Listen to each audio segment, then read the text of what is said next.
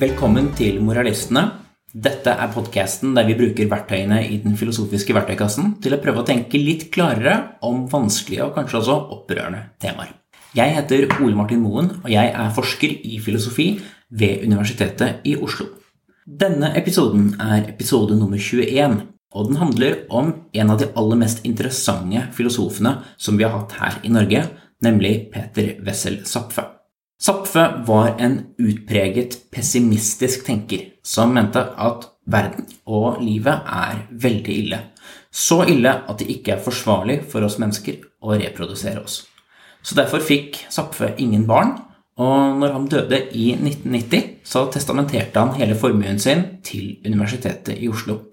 Og han skrev i testamentet sitt at det skal opprettes et fond som, idet avkastningen blir stor nok, skal begynne å utlyse en essaypris annethvert år som belønner det beste innsendte essayet om temaet menneskelig reproduksjon, og som da gjerne drøfter det i lys av Zapfes ideer. Så i stedet for å få biologiske arvinger, så sikret Zapfe seg på den måten intellektuelle arvinger. Og i år, altså 2019, så var jeg så heldig at jeg vant denne prisen. Og den 19. september fikk jeg den overrakt av Per Morten Sandseth, som er viserektor ved Universitetet i Oslo. Og i forbindelse med prisutdelingen så holdt jeg et foredrag om Zapfes pessimistiske filosofi, og om hvilke implikasjoner den har for en del bioetiske problemer som vi står overfor i dag. Og her kommer foredraget jeg holdt. Hvert eneste år så fødes det ca. 140 millioner mennesker. I løpet av et sekund, i løpet av et gjennomsnittlig sekund, så blir det ca. fire fødsler. Så det fødes altså et menneske omtrent i den hastigheten her, i alle fall. Her kommer babyer ut. Og det er jo da nesten universelt tilrådt og feiret, det at man skaper nye liv. Men det er vanskelig å benekte at det ligger et veldig stort moralsk alvor i det å bringe et nytt menneskeliv inn i verden. For selv om et liv vil kunne bli godt, så kan man aldri garantere at det vil bli det. Og selv de beste liv inneholder også mye smerte og lidelse. Og da er jo spørsmålet skal vi mennesker fortsette å produsere nye mennesker. Og det er en del filosofer skikkelig gladgjeng alle sammen, eh, som er såkalte antinatalister. Natal er latin og betyr fødsel, så filosofer som mener at det er galt å føde nye mennesker. Iallfall galt under de fleste omstendigheter. Eh, her ser vi Sofoklus eh, fra antikken Hellas. Vi ser Arthur Schopenhauer på toppen, David Benetar her, og da vår egen Peter Wessel Zapfe til slutt. Og det jeg skal gjøre i dette foredraget, er altså to ting. Først så skal jeg redegjøre litt for Zapfes argumentasjon. Hvorfor mente han det han mener?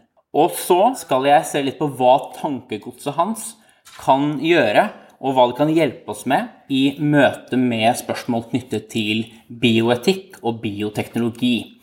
Så det er altså en slags todeling her. Først hva han mente, så hva er det vi kan bruke dette til når vi er da stilt overfor utfordringene vi står overfor i dag.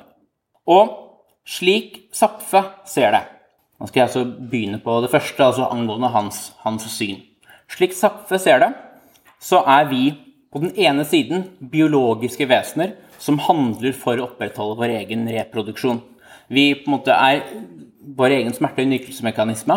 Våre egne instinkter dytter oss i den retning. Og vi er suksessfulle i så måte. Vi er den dominerende arten her på jorden. Men vi har en veldig distinkt måte å overleve på. Mens geparder overlever ved å løpe fort, sjiraffer ved å være høye, bjørner ved å være sterke osv., så, videre, så har vi vår egen distinkte måte å overleve på, som nettopp er bruken av vår fornuft. Rent sånn fysiske er vi ganske patetiske, egentlig, men vi har en hjerne, et sinn, som gjør at vi likevel er, er herskende. Og da kan vi tenke, vi kan lage verktøy, vi kan lage feller, vi kan planlegge, vi kan kommunisere med språk. Vi kan samarbeide i svært komplekse mønstre, og ikke minst vi kan tilpasse oss nye omstendigheter, nye situasjoner, på en måte som overgår i hvert fall de fleste andre dyr. Men denne fornuften vår, sier han, kommer med en betydelig nedside. For den konfronterer oss også med vår egen sårbarhet, med døden som venter på oss, med hvor brutale vi mennesker kan være mot hverandre og mot andre levende vesener, og hvor kosmisk ubetydelige vi er. Og så altså den, denne fornuften som gir oss en dragning i retning av å søke rettferdiggjørelse og mening, viser oss nettopp at vi lever i en verden hvor det ikke finnes. Og derfor, hevder Zapfe, er livene våre fylt av det han kaller en kosmisk panikkfølelse og verdensangst og livsfortvilelse. Og for å illustrere dette, og på å si menneskets grunntilstand, så gir han et eksempel i begynnelsen av essayet 'Den siste Messias'. Jeg skal lese dette for dere. En natt i lengst forsvunne tider våknet mennesket og så seg selv. Han så at han var naken under kosmos, hjemløs i sitt eget legeme. Allting oppløste seg for hans prøvende tanke. Under over under, redsel over redsel sprang ut i hans sinn. Da våknet også kvinnen og sa at det var tid at gå ut og slå noe i hjel. Og han grep sin bue, frukten av åndens og håndens formeling, og gikk ut under stjernene. Men da dyrene kom til sine vannhull, hvor han ventet dem av gammel vane, da kjente han ikke lenger tigerspranget i sitt blod, men en stor salme om lidelsens brorskap mellom alt som lever. Den dagen kom han ikke hjem med bytte, og da de fant ham ved neste måneny, satt han død ved vannhullet. Så slik, slik, vi altså ser det her, så er det den, den, kraften i oss som gjør det mulig å lage en, en pil og bue som vi kan, og, og gjør det mulig for oss å planlegge jakten med, den paralyserer oss også ved å nettopp vise oss hva vi egentlig gjør, og hvor brutale vi, vi egentlig er. Og han introduserer også noen andre metaforer. Han er god på metaforer, særlig naturmetaforer, for å forklare tilstanden vi er i. En av de, de kjente metaforene han bruker, er det om den eh, irske kjempehjorten, som vi ser et, et skjelett av her, som hadde et gevir som vokste til å bli så stort at det i hvert fall ifølge myten var det som førte til dens undergang. Så her ser vi at det som var dets si, storhet, det som var dets si, verktøy eller våpen i kampen for overlevelsen, ble det som ga opphavet til dets nedtur. Og det er dette Zapfe mener er essensen ved det tragiske. Det er noe tragisk over denne hjortens eh, undergang, nettopp fordi undergangen er skapt av storheten. Nettopp undergang skapt av det gode og av det store, som er det tragiske, slik Zapfe ser det. Et, en annen metafor han bruker som jeg også synes er god, som ikke er en naturmetafor, det er at han sier at sinnet vårt, menneskesinnet, er som et skarpt sverd. Men det er et sverd som er skarpt i begge ender, og det har ikke noe håndtak. Så hvis vi bruker dette og holder i det for å kutte inn i andre vesener, så kutter vi samtidig også oss selv. Så vi skader oss selv ved å bruke dette kraftfulle våpenet. Så Zapfe har dermed det man kan kalle et pessimistisk, ganske mørkt verdensbilde. Men han vedgår også at dette verdensbildet hans er nok mørkere enn de fleste vil mene at verden er. Og da er spørsmålet hvorfor er det slik? Og én grunn kunne selvfølgelig være at verden ikke er så mørk. Det er det ikke. Eh, hans forklaring er at vi har en del fortrengningsmekanismer som gjør at vi ikke ser hvor ille verden egentlig er. De tre sentrale av disse er isolasjon, forankring og distraksjon. Vi isolerer oss i livene våre fra det som er ubehagelig. Vi bygger vegger, vi lager tabuer, vi ostrakerer de som bryter disse tabuene. Og vi lager Vi prøver å holde unna det som er mest ubehagelig, og de ubehagelige sannhetene. Til barna våre så forteller vi dem at alt vil gå bra til slutt, selv om vi jo vet at til slutt så vil vi bli syke og dø, og så vil vi bli glemt. Eh, men det sier vi ikke. Vi søker å isolere så godt vi bare kan. Det er isolasjon. Så kommer forankring.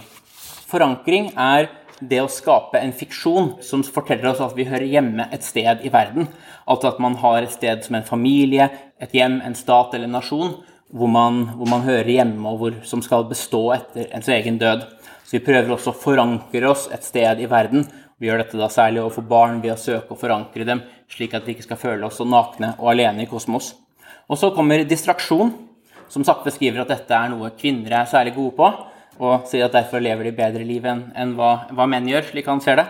Som altså er å fylle livet med massevis av oppgaver, slik at vi, og masse ting som må gjøres hele tiden, mye vi må tenke på, slik at vi aldri stopper opp og kan si, se naturen i hvitøyet, for da fylles vi nettopp av denne livsfortvilelsen og verdensangsten. Og han sier at en kultur må altså Det er ganske interessant, han har en slags kulturanalyse. Hvor han sier at kjerneoppgaven til en kultur er å gi et overbevisende sett av mekanismer for isolasjon, forankring og distraksjon. Så det er på en måte det en religion eller det en kultur prøver å gjøre, er å gi oss dette, slik at ikke vi skal bli paralysert av angst. Eh, men i tillegg til disse tre, så har han også en fjerde, som jeg går litt inn på i dette essayet, men som jeg ikke skal gå mye inn på her, som er sublimasjon. Som handler om å prøve å lage kunst av smerten og lidelsen som finnes i verden. Og der nettopp denne kan, ved å ikke bare gå vekk fra den, men ved å gå inn i den, så kan det, slik han ser det, skapes en estetisk verdi. Så Derfor kan man si at sublimasjon på en måte er en slags transformerende mekanisme snarere enn en fortrengningsmekanisme. Men ikke noe av dette kan redde oss fra grunnvilkårene våre, fordi grunnen til at vi lider, slik han ser det, er vår menneskelige natur. Så så lenge vi tenker abstrakt, hvilket vi må gjøre for å klare å leve som mennesker, så er vi dømt til å lide. Eh, og hvis vi prøver å la være å tenke, så undertrykker vi nettopp den mekanismen som vi trenger for å klare å overleve. Eh, og det som er vårt våpen i kampen for overlevelsen. Så Derfor er vi mennesker, slik han ser det, konfrontert med et slags grunnleggende valg mellom enten å lide eller å dø. Og det er jo da relativt mørkt. Det man kan spørre seg, og som jeg spør også i dette essayet, er hva slags verditeori er det som ligger til grunn for Sapfes syn? Hva er, hva er det han egentlig mener etisk som kan begrunne de standpunktene eller de konklusjonene som han når. Jørgen Hove, som har skrevet om Zapfe, kaller ham en nihilist. Og Dag Hessen, som var her i sted, har skrevet at uh, Zapfe er på kanten i alle fall til å kunne kalles en nihilist. Men han er skeptisk til å kalle ham en nihilist. Og grunnen til det er at han jo har mange forskjellige bidrag. Han var en uh, essayist, han skrev skuespill, han skrev en lærebok i, dramaturgi, han skrev en lærebok i logikk. Han eh, var en humorist. Han gjorde mye og bidro, han tegner. Han bidro på så mange, mange, fronter. Og det ville være veldig rart hvis man var en nihilist. Og da spørsmålet var Zapfe da en nihilist? Og nihil eh, er latin og betyr ingenting. Og hvis man med nihilisme mener at det hadde vært bedre om ingenting fantes, enn om verden finnes slik den er i dag, så kan man kanskje si at Zapfe var en form for nihilist. Eh, men det er ikke slik nihilismebegrepet vanligvis brukes i filosofien.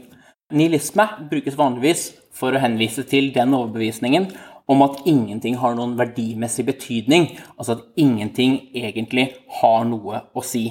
Og hvis ingenting hadde noe å si, så kan man kanskje si at bidragene hans hadde vært paradoksale.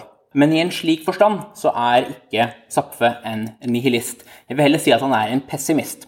Og forskjellen på disse er altså at mens en nihilist sier at ingenting betyr noe, så sier en pessimist at ting er veldig ille. Og man kan kanskje tenke seg at eh, de standpunktene ligner litt på hverandre, er veldig beslektet, men egentlig så tar jeg til orde for at dette er inkompatible standpunkter. De er svært, svært forskjellige standpunkter. Og grunnen til det er at for at livet skal kunne være ille, så må noe ha noe å si. Hvis ingenting har noe å si, så er det vanskelig å kunne se hvordan livet skal kunne være ille. Så mens nihilisme kan lyde som et veldig dystert syn, siden ifølge det synet så har ikke noe noe å si, så er det ikke egentlig et dystert syn. Og grunnen er at hvis nihilisme er sant, så er det sant at ingenting har noe å si. Men da har det heller ingenting å si at ingenting har noe å si. Da er alt uansett bare nøytralt, så nihilismens sannhet vil heller ikke være ille, for da er det ikke noe som egentlig er godt, eller som er dårlig. Og Jeg tror derfor vi bør forstå Zapfe som en pessimist, som altså mener at noe har noe å si, og deretter kommer med dommen om at ting står veldig, veldig dårlig til. Og hvis det er det som er hans syn, så gir det mening at man forsøker å bidra slik han gjør på forskjellige fronter. Det er ikke noe paradoksalt ved å mene at verden er i en svært ille tilstand, og søke å gjøre den bedre. Kanskje kan man nesten tenke det motsatte. At hvis, hvis, man var en optimist som mener at verden uansett er fylt av goder, så er det kanskje ikke så viktig å bidra. Men hvis det er veldig få goder i verden, og verden stort sett er veldig ille, så blir jo de små, gode tingene desto mer verdifulle. De blir som små regndråper i Sahara, snarere enn regndråper i et, i et stort, stort hav. Så derfor er det altså ingen konflikt hvis man forstår ham på den måten. Men vi må også spørre oss, da. Ok, han mener at noe har noe å si, at noe har en viss verdimessig betydning. Hva er det som er hans målestokk for verdi? Hva er det som er godt, eller hva er det som er dårlig, ifølge Zapfe? Hva er det som gjør denne iboende konflikten i vår natur så ille? Et standpunkt eller en mulig forklaring kunne vært at det som er ille med konflikten i vår natur, altså konflikt mellom det biologiske og det fornuftsmessige, man kunne si at det ligger i at det paralyserer oss og hindrer oss fra å reprodusere oss og gjøre alle de tingene. Det hindrer oss fra å gå på jakt, f.eks., som er det denne mannen gjorde. Så det holder oss tilbake og er ille i kraft av det.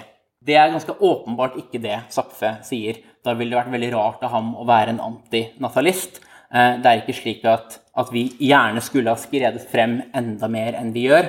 Problemet ligger ikke der. Kanskje kan man si at det problemet med den konflikten som ligger i oss, er brutaliteten som den viser oss, og brutaliteten som finnes i verden rundt oss.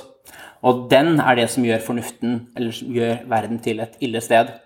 Og Jeg tror det er en litt nærmere riktig forklaring. Men da må vi også spørre oss hva er det ved denne brutaliteten da, som er så ille? Og hva er det ved det å se denne brutaliteten som er så ille? Og det jeg tar til orde for i, i essayet mitt, er at det grunnleggende, iallfall noe av det mest grunnleggende hos Zapfe, og det som er grunnproblemet slik han ser verden, er tilstedeværelsen av lidelse. Lidelse er veldig sentralt i det han skriver. Vi snakker om lidelsens brorskap. Han snakker om lidelse igjen og igjen og igjen. Og i 'Jeg velger sannheten', et av hans verk, så snakker han endog om hedonisk velferd. Nå vet ikke jeg om Zapfe var en hedonist, Eh, om verditeori. Det kan det hende han var. Jeg er selv det. Så når jeg skal lese Zapfe liksom, eh, velvillig, så prøver jeg på en måte å tolke ham litt i den retning. Det må jeg være forsiktig med. Men han mener, han synes i hvert fall å holde lidelse som et veldig fundamentalt onde, som det sentrale onde. Og et onde som ikke synes å være forklart i kraft av dets bidrag til andre onder igjen. Så det er i hvert fall noe av det, det virkelig sentrale. Og da har man i så fall en ganske sånn straightforward forklaring på hvorfor verden er så ille. Det er det at lidelse er ille, og at det er veldig mye lidelse og veldig lite glede i denne, denne verden. Så eh, relativt enkelt, det er noe som er ille, og det er veldig mye av det. Og dette er altså lidelse. Og slik han ser det, så er det er ikke dette et problem som lett kan løses. Vi kan ikke løse problemet ved sosial reform, f.eks. Fordi, mens noen vil mene at lidelsen kommer av måten samfunnet er organisert på, altså på en måte eh, reglene i spillet, så mener eh, Zapfe at problemet ligger i selve brikkene, altså i oss. Det ligger i vår natur at vi lider. Så selv om kanskje en sosial endring, en politisk endring, ville kunne gjøre verden litt bedre, så vil ikke det kunne klare å gripe fatt i det grunnleggende problemet, som er, slik han ser det, vår egen menneskelige natur. Og gitt et premiss også om at han mener da at livet i utgangspunktet ikke Når man skaper et liv, kan det ikke forventes at det skal være verdt å leve. Og han mener da at hvis man ikke kan forvente det av et liv som skapes, så er det galt å skape dette livet. Og Derfor sier han altså på slutten av dette essayet, den siste Messias, vær ufruktbare og la jorden bli stille etter dere. Og i denne artikkelen som jeg leverte, så går jeg videre herfra til å diskutere og sammenligne eh, Zapfe med Arthur Schopenhauer og David Benetar. Det er, noe jeg, det er noe for litt mer spesielt interesserte, så det er noe jeg skal hoppe over her. Um, man er, er, opptatt av det, så håper jeg artikkelen snart blir publisert. Den er til fagfellevurdering nå, og da håper jeg den kommer ut. Kanskje den kan legges ut også en link til den på siden til, til denne prisen, slik at den blir, blir tilgjengelig. I stedet for å gå inn på det, så skal jeg nå gå til det som er del to av dette, dette foredraget. Som altså handler om Zapfes ideers implikasjoner for hvordan vi bør tenke om bioetikk og bioteknologi. Og man kunne jo tenke seg Bio betyr liv. Så man kunne jo tenke seg at hans syn på bioetikk og bioteknologi er ganske enkelt. Han er imot, fordi han nettopp mener at livet er så ille det er klart, Bioteknologi og bioetikk er et veldig stort felt. og Man kunne jo spurt seg innenfor veldig mange av disse områdene hva ville Sakfe ment om det. Innen abort for eksempel, så vil han antagelig innta et standpunkt som er litt annerledes enn de fleste. Han vil antagelig mene at abort er moralsk obligatorisk. Hvilket jo er et standpunkt som ingen andre har i, i denne debatten. Det er spørsmålet om man skal være pro-life eller pro-choice. Det er veldig få som er pro-death. Eh, men det er jo da det synet som jeg vil tro at Zapfe eh, ville holde, iallfall gitt hvordan omstendigheten for mennesker er, er nå. En av de sentrale debattene innenfor eh, samtidig eller nåtidig bioetikk, eh, som er den jeg skal gå inn på nå, er debatten om såkalt menneskelig forbedring, eller human enhancement. Og jeg skal prøve å si litt om hva den debatten går ut på, og så søke å si noe om hva Zapfe ville ha ment om dette, eller burde mene om dette, gitt hans syn. Mens det meste av det vi gjør innenfor medisinfaget, går ut på å kurere sykdommer eller skader eller patologier på noen måte. Vi søker å kurere et brukket ben, søker å unngå en kreftsykdom, vi ønsker å unngå en eh, depresjon som noen har. Vi søker å rette opp i skader og feil. Det enhancement, eller forbedring, men jeg kommer til å kalle det enhancement, for det er det jeg er vant til å kalle det i denne veldig anglifiserte verden. Enhancement handler om et forsøk på å bruke bioteknologi ikke bare til å løfte de syke opp til det normale baseline, men å løfte folk videre opp, slik at de kan bli friskere enn friske og leve lenger enn hva som er en forventet levetid, eventuelt være lykkeligere enn man ellers ville kunne være. Så Det kan handle om kognitive ferdigheter, det kan handle om f.eks. burde man søke å stanse eller sakke ned aldringsprosessen hvis man kunne det. Dette er spørsmål knyttet til såkalt enhancement. Og I de siste fem-seks årene har mer og mer av debatten om enhancement begynt å dreie seg om såkalt moralsk enhancement. Altså om vi, om vi burde strebe henimot å bruke bioteknologi til å prøve å gjøre oss selv mer moralske. Ved å kanskje gjøre oss mer empatiske, mer langsiktige. Kan vi gjøre noe for å måte, bedre moralen ved hjelp av, av bioteknologien? Altså Bør vi søke å bruke bioteknologi ikke bare til å kurere det syke, men til å på en måte designe oss selv? Det er et grunnspørsmål som vi står overfor i dagens, dagens verden. Og tilhengerne av enhancement vil ofte peke til eh, de gode konsekvensene dette kan ha for helse, for velferden vår, og hvordan dette kan gi oss mer av det vi ellers søker i, i, i helsevesenet. Og de mest eh, radikale tilhengerne av enhancement, såkalte transhumanister, mener at vi bør benytte oss av enhancement på mange, mange felt, slik at vi nesten kan gjøre oss selv til en ny art, så vi kan transcendere det som nå er kjent som det menneskelige. På motsatt side kan man snakke om de som kalles biokonservative, hvis man vil det, som mener at vi ikke skal medikalisere friske tilstander, og som kanskje mener at dette er en urettmessig streben etter perfeksjon, og at det å begynne å tukle med naturen eller med skaperverket på denne måten eh, er noe vi ikke vil kjenne konsekvensen av, og noe som kan føre til vår egen utryddelse.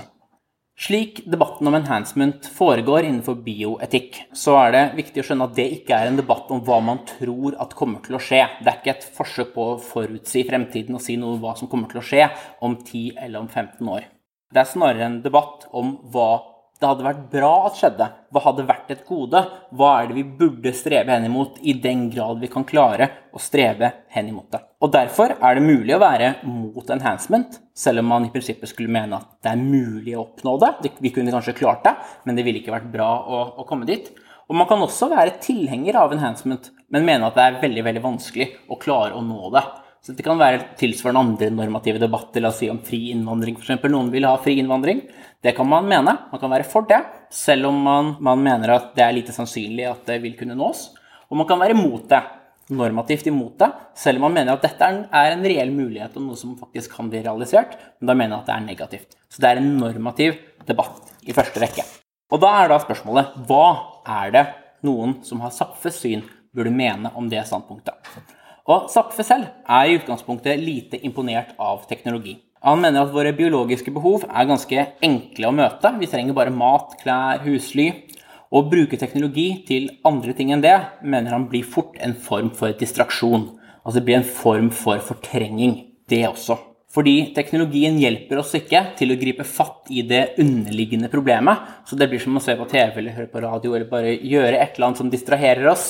Sitte med telefonene våre det, det gjør ikke noe med kjerneproblemet, det bare distraherer oss. Så det klarer ikke å hjelpe oss med å endre vår natur. Men hva så med bioteknologi? Hva vil han mene om det? Zapfe sier ganske lite om bioteknologi, men han sier litt noen steder, og det er det verdt å bite seg merke i. Han sier f.eks. dette. Han diskuterer Aldous Huxleys Brave New World, som ble publisert ti år før Om det tragiske kom ut. Og han skriver Aldous Huxley, Brave New World, har tenkt seg en utryddelse av det metafysiske behov gjennom kontroll med arveanleggene. Spekulasjoner over forskjellige muligheter i denne retning har imidlertid foreløpig et så magert grunnlag at de for oppfatningen av det tragiske ikke betyr annet enn en kuriositet. Så han har altså, Her finner jeg iallfall to grunner da, til å være kritisk til teknologi. Det ene er altså at det klarer ikke å nå til kjernen av problemet. Og så har du det andre, som er bioteknologien, som kanskje i teorien kunne ha klart å gå til kjernen av problemet. Men den, så, den er så spekulativ og ligger så langt unna at den ikke er av mye, mye relevans. Da er spørsmålet hva, hva synes vi om dette? Hva tenker vi om resonnementet til nå? Her tror jeg det er verdt å merke seg at eller det som i hvert fall er mitt syn her, er at det at teknologiene eventuelt måtte være langt unna, eller vanskelige eller spekulative, det er ikke i seg selv et argument mot enhancement. Fordi man kan mene at enhancement ville være bra, selv om man tenker at det er veldig, veldig vanskelig å nå dit. Og fordi å ønske enhancement er en normativ posisjon, og det er altså kompatibelt med å mene at det er empirisk vanskelig. Og da vil man bare mene at hvis vi hadde fått det til, så hadde det vært bra, selv om vi kanskje ikke kommer til å komme dit. Så derfor synes det som om dette argumentet ikke egentlig gjør at Zapfe ville trenge å være mot enhancement, iallfall ikke prinsipielt. Men hva vil han mer substansielt mene om enhancement? Én ting er at posisjonene er formelt kompatible. Hva burde han mer substansielt mene? Det synes som en del typer enhancement er noe Zapfe ville være veldig imot. Enhancement av fertilitet f.eks. ville være veldig, veldig ille. Bare det å forlenge livene våre slik de er i dag, synes også å være en dårlig idé, gitt hans eh, synspunkt. Men hva da med lykkeforbedring eller moralsk forbedring? Eh, såkalt altså happiness enhancement eller moral enhancement. Er det, hva, hva burde Zapfe mene om det? Og Jeg tar til orde i dette essayet for at det er noe Zapfe ikke bare burde være litt for, men burde være veldig for. Og da er spørsmålet hva, hva er grunnen til det? Og hovedgrunnen til det er at vår naturlige tilstand, slik han ser det, er fryktelig, fryktelig ille. Vi mangler empati, vi mangler kjærlighet, vi mangler lykke. Det er rett og slett Det står svært, svært dårlig til. Og det synes jo at jo større en mangel er, jo sterkere grunner har vi i utgangspunktet til å søke å bøte på det behovet. Og det er verdt å merke at de sentrale innsigelsene til enhancement ikke synes å ha noe kraft lenger hvis man tar for gitt Zapfes rammeverk. Et standpunkt eller et motargument var at man ikke skal medikalisere friske tilstander. Det argumentet fungerer ikke gitt Zapfes syn, fordi gitt Zapfes syn så er alle disse tilstandene uansett sykelige. Vi er sykelige av natur. Så normaltilstanden er sykelig. Og Hvis man mener det, så er det vanskelig å trekke dette skillet mellom terapi og enhancement, som man trenger dersom man skal omfavne terapi, men avvise enhancement. Utgangspunktet vårt er altså verdens angst og livssmerte, og da faller dette skillet litt bort. Så var det dette argumentet om at dette er en form for perfeksjonisme. Hvis ting allerede var bra, så kunne man si at å være for enhancement kunne anklages for å være perfeksjonisme. Men hvis ting er veldig, veldig ille, så kan man forsvare enhancement bare ut fra et ønske om at ting skal være tålelig greit. Så trenger ikke enhancement lenger å bygge på en form for perfeksjonisme. Og til sist så er det altså innsigelsen om at hvis vi begynner å tukle med naturen vår, så kan dette lede til stor fare, og det kan medføre vår egen utryddelse. Gitt Zapfes syn så er det heller ikke noe stort problem. For det vil uansett være bedre enn tilstanden vi er i nå. Så Derfor syntes det som om Zapfe, gitt hans grunnmening, burde være en ganske risikovillig og ganske radikal transhumanist som ønsker å gjøre mye med menneskenaturen, for ting er uansett såpass ille nå at hvis vi klarer å tukle det ordentlig til så vi utrydder oss selv, så er det likevel bedre enn dagens tilstand. Dette er ikke et for at han har rett i dette henseendet, men jeg mener i hvert fall at hans argumenter taler i denne retningen. Her kan det da sies, i en slags respons til dette argumentet, om at hvis man deler Zapfes grunnsyn, så burde man ikke være for enhancement. Man burde i stedet søke å utrydde livet.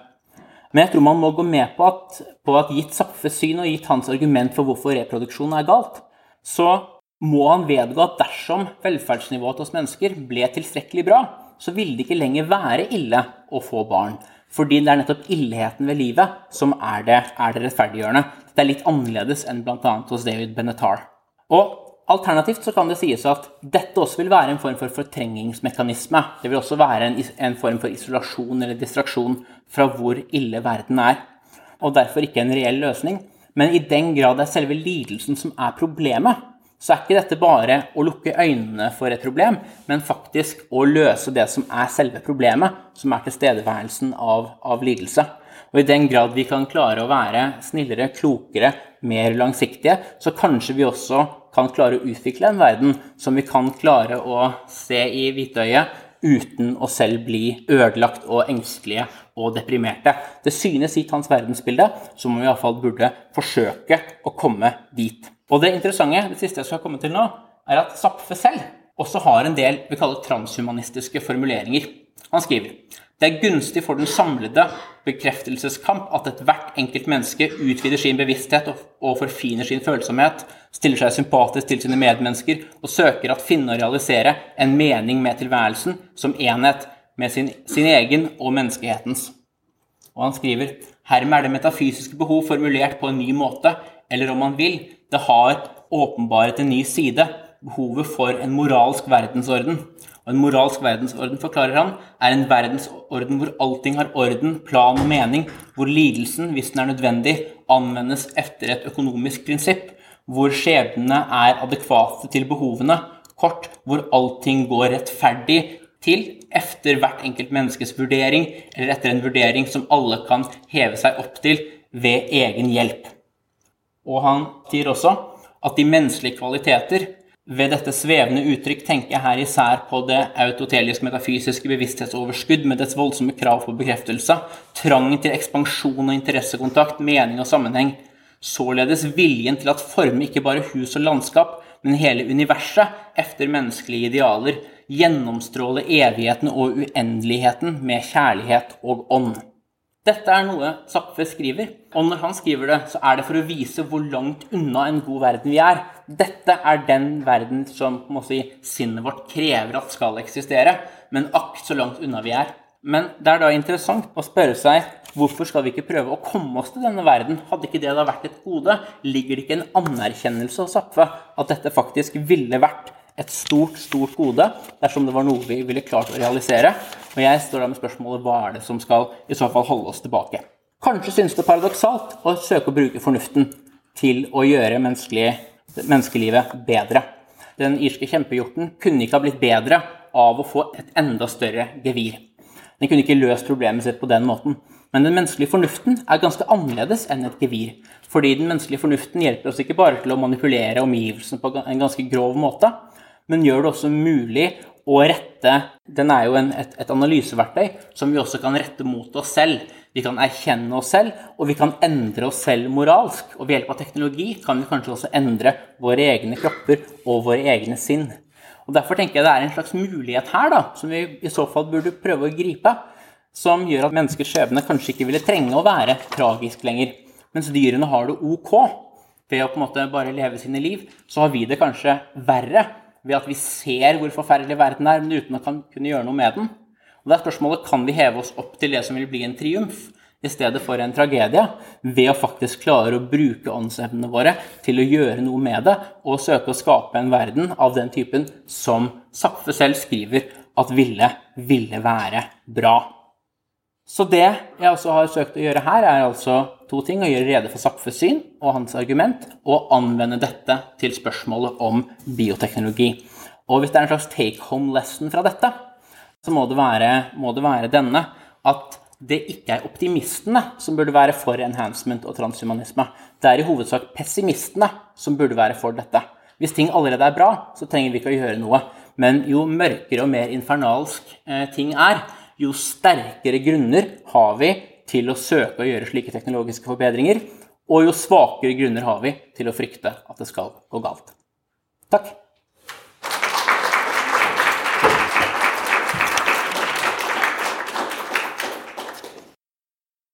Tusen takk for at du har hørt på podkasten vår. Dersom du likte det du hørte, så håper vi at du vil dele den med andre i sosiale medier. Du finner alle episodene våre på moralistene.no, og du finner oss også med samme navn, Moralistene altså, på Facebook og Twitter og i din podkast-app. Takk for nå, så høres vi om en ukes tid.